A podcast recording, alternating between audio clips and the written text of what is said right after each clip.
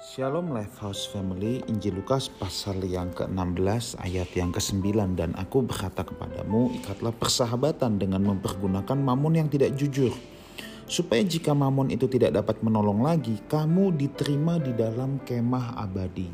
Nah saudaraku, siapa sih yang gak seneng untuk punya teman seorang yang berkuasa ya kebanyakan orang itu akan menjadi sangat senang kalau dia punya teman yang sangat powerful karena dianggap dapat diandalkan. Nah, kalau kita melihat ayat ini ya, sekilas banyak orang berpikir kita disuruh bersahabat dengan Mamon. Tetapi mari kita baca dengan teliti, ikatlah persahabatan dengan mempergunakan Mamon yang tidak jujur. Berarti jelas persahabatannya itu bukan dengan mamonnya. Mamon itu menjadi alat dalam hal ini. Makanya dengan mempergunakan, kata mempergunakan itu penting. Menunjukkan mamon itu alat. Nah, jadi kepada siapa kita harus bersahabat sekarang? Nah, ini jelas, jelas kepada Kristus, jelas kepada Tuhan. Kita harus bersahabatnya dengan Tuhan, saudaraku. Ya. Nah, kalau kita bersahabatnya dengan Tuhan, maka percayalah saudara, tidak ada yang lebih powerful daripada Tuhan. Dia pembela kita yang agung loh saudara. Dia pembela kita yang agung. Tidak ada yang lebih powerful daripada dia. Kita tidak perlu takut terhadap apa pun kalau memang Tuhan yang menjadi sahabat kita. Tapi kalau kita tidak bersahabat dengan Tuhan, wajar kalau kita hidup dalam ketakutan. Ya, jadi jelas di sini bersahabatnya dengan Tuhan. Karena ada saatnya saudara, memang Orang senang bersahabat dengan Mamon karena mereka berpikir Mamon dapat diandalkan.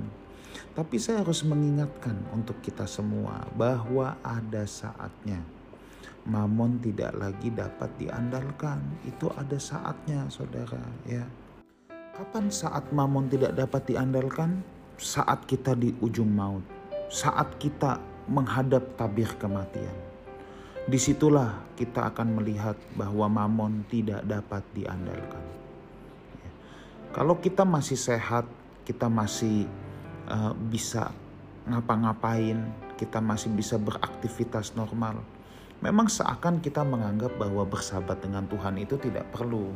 Yang paling penting saya punya banyak mamon, ya. Yang penting saya punya banyak uang. Nggak salah punya banyak uang, tetapi jangan bersahabat dengan uang.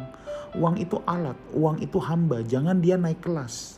Kalau dia naik kelas jadi sahabat itu yang bahaya. Mamon itu hanya pesuruh, itu hanya alat. Nah, pastikan dia tetap ada di kelasnya, yaitu sebagai pesuruh. Jangan kita naikkan kelasnya jadi sahabat. Ya. Nah, dalam hal ini sahabat adalah yang bisa kita andalkan. Sebab nanti ketika kita di ujung maut, ya, kita mau mengandalkan sahabat kita yang namanya Mamon, Mamon akan berkata, maaf ini bukan wilayahku. Tapi berbahagialah orang yang mengandalkan Tuhan, saudara. Berbahagialah orang yang mengandalkan Tuhan. Karena di ujung maut sekalipun, kalau orang mengandalkan Tuhan, pasti akan baik-baik saja. Sebab Tuhan memang sahabat sejati kita.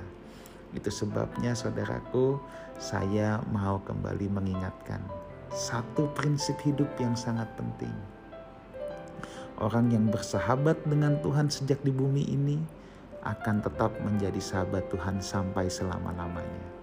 Tapi orang yang tidak bersahabat dengan Tuhan sejak di bumi ini tidak akan pernah jadi sahabat Tuhan sampai selama-lamanya.